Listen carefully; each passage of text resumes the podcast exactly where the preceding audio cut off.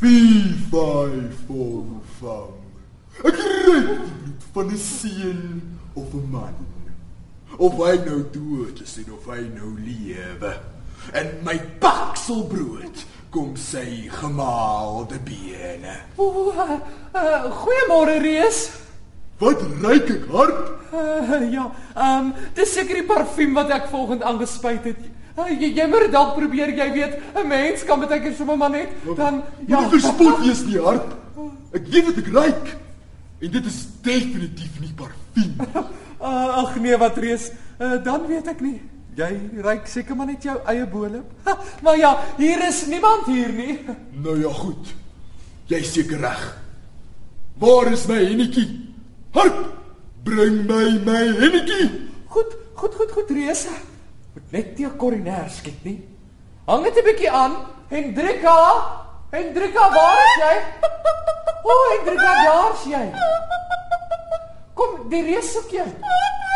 Hendrika, nee. Kom Hendrika. Hendrika. Asai, kom, kom Hendrika. Pas op. Asai. Kom hier. Leef vir my goue eier.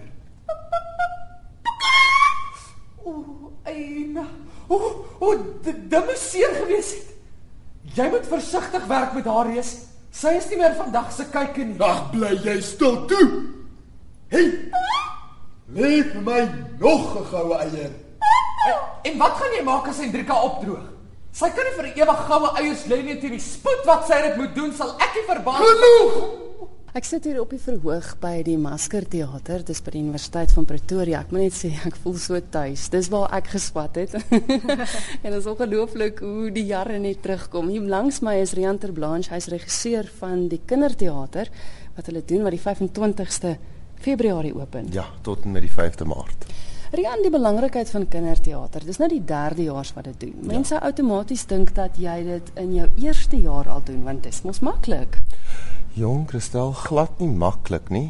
Kinderteater is 'n geweldige veel eisende fisies minder op 'n emosionele en psigologiese vlak natuurlik, maar vanuit 'n fisiese oogpunt is dit geweldig uitdagend. Dit is verskriklik moeilik om die karakter daar te stel met al die energie wat jy moet voortbring om die konstante kommunikasie met die gehoor te hê, hulle deel te maak van die performance. Was natuurlik die hele tyd jaagtonele, ons het groot musikale nommers, dans. So al die vaardighede wat ons hierso uh die opleiding wat ons gee hier uh word dan bymekaar gesit in hierdie een oomblik en dit beslis op 'n eerstejaars vlak is nog nie daar nie. Mens moet bietjie ryper wees. Baie ryper. nou hierso is van die akteurs wat nou deel is. Wat is jou naam? Snel van Merwe. En watter rol speel jy? Ek speel die rol van die sussie, Jan se sussie. Het hy 'n sussie in die gewone storie wat ons ken? Want ek weet ek het nou gekyk, daar's ek dink jy speel die verteller rol, né? Hmm, wat is Felina? Felina, wat is ja. jou naam? Shante, Shante Geri. Want ek ken ook nie vir Felina nie. Hoe naby aan die regte storie wat ons almal mee groot geword het is dit of of wie die verwerking gedoen? Uh die teks is geskryf deur Michelle Botha en Thomas Barlow. Ehm um, en ek dink hulle hulle het redelik vry te werk gegaan met die verwerking uh van die storie. Uh ek dink dit is 'n lieflike eenvoudige verhaal wat Jan uitbeeld as hierdie hy's regtig die toevallige held. En die die dit begin waar ons sien waar ma is vir vir Daisy hulle enigste bron van inkomste moet melk Daisy droog op en word dan nou vir Jan en vir Sissy gesê dat hulle gaan moet plan maak en hulle gaan vir Daisy moet verkoop. Die wat Daisy is is deel van die familie.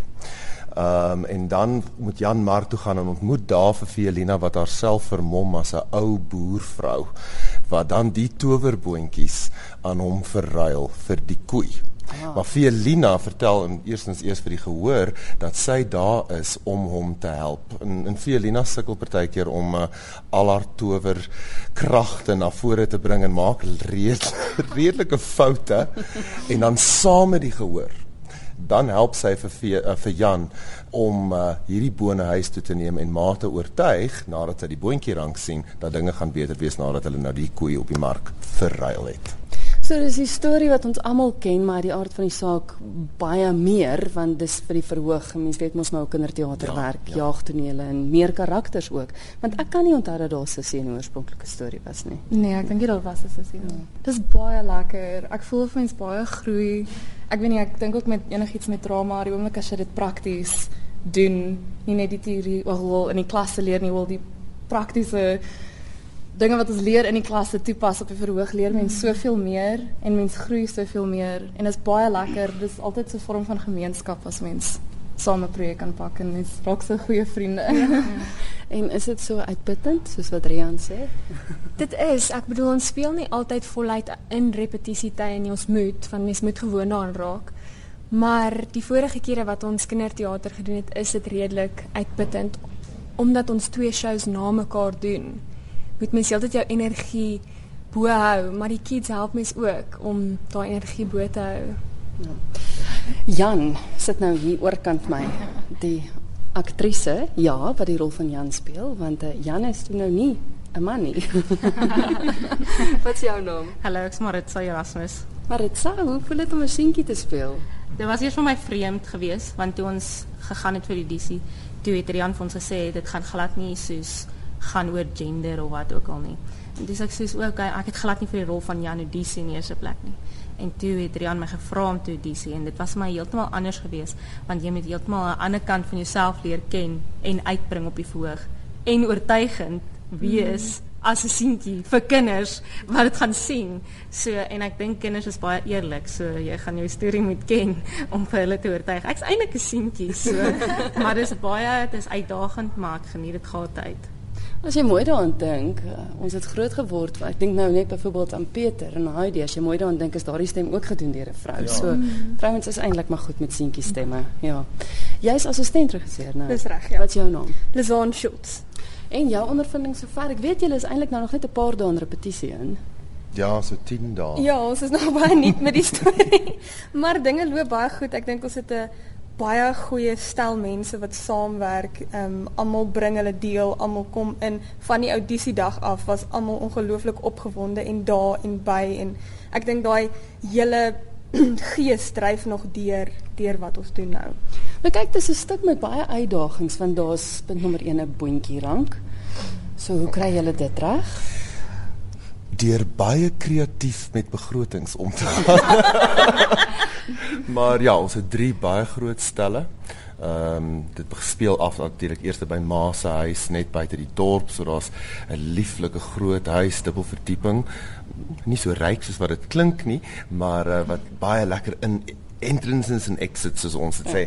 Uh wat hulle kan maak wat dan oorgaan na die markplein, groot musical numbers en daai op die markplein en dan natuurlik ons grootste uitdaging die reus se kombuis.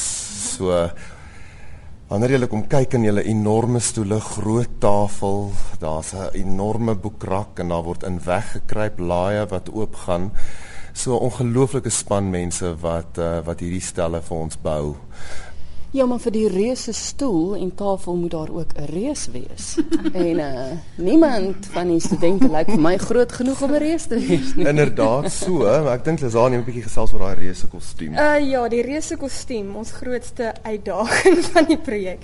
Ehm um, dit het gebeur dat ons toe saam met die derde jaar design ontwerpstudente ehm um, saamgewerk het om aan 'n 'n uitleg te werk vir hoe ons dit te werke gaan kry.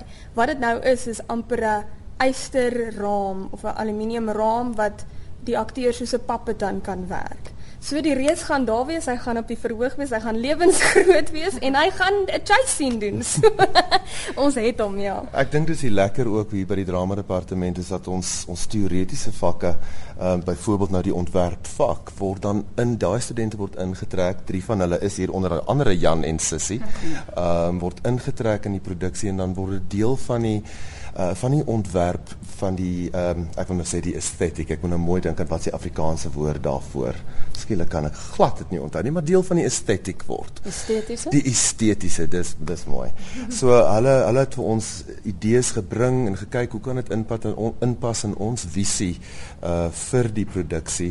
En uh ja, ek dink dit gaan 'n fantastiese fantastiese kostuum wees in 'n redelike 'n redelike sukkel vir vir uh, Gerlo wat die reus moet speel want dit is dit gaan swaar wees bo op sy skouers. So hy's half in die bene van die reus met die res van die reus bo op sy skouers. 'n Gewigtige saakie.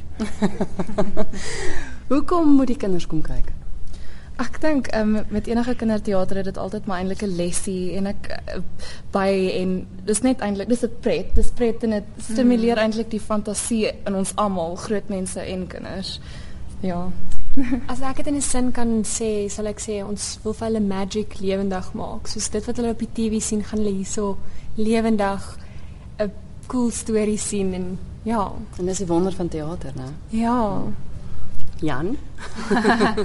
um ek dink ek persoonlik wil kinders se hartjies gelukkig maak. So as hulle net glimlag en dit geniet, sal ek tevrede wees. Mm -hmm.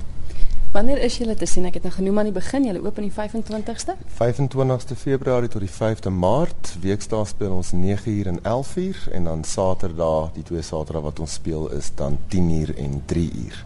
Maar ek wil graag bysê, ek wil graag almal uitnooi alle kinders wat kom kyk om deel te neem aan Jan en sy span se tekenkompetisie. Uh Pretoria Boekhuis skenk vir ons 3 pryse in die 3 kategorieë.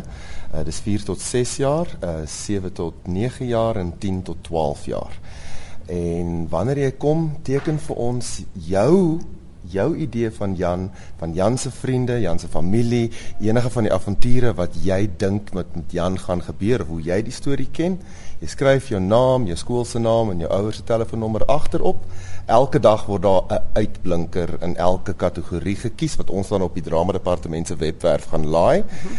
En op die laaste Vrydag, uh, dis Vrydag die 4de om 11:00 sluit die kompetisie en dan gaan ehm um, visuele kunste inkom en uit daai uitblinkers uh, wat elke dag opgelaai word, word die wenner dan in elke kategorie bekend gemaak. Hulle kry 'n lieflike boekprys van Pretoria Boekwinkel en dan teen by die 3 uur vertoning op Saterdag dan sal die hoofkarakters die pryse aan hulle oorhandig op die verhoog.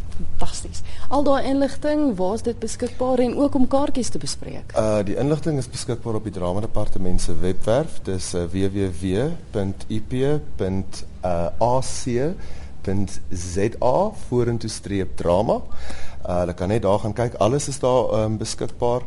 Hulle kan gerus skakel en dit is baie belangrik om asseblief voor die tyd te bespreek want uh, ons het nog 2 weke repetisie maar amper 60% van die vertonings is al reeds uh, vol.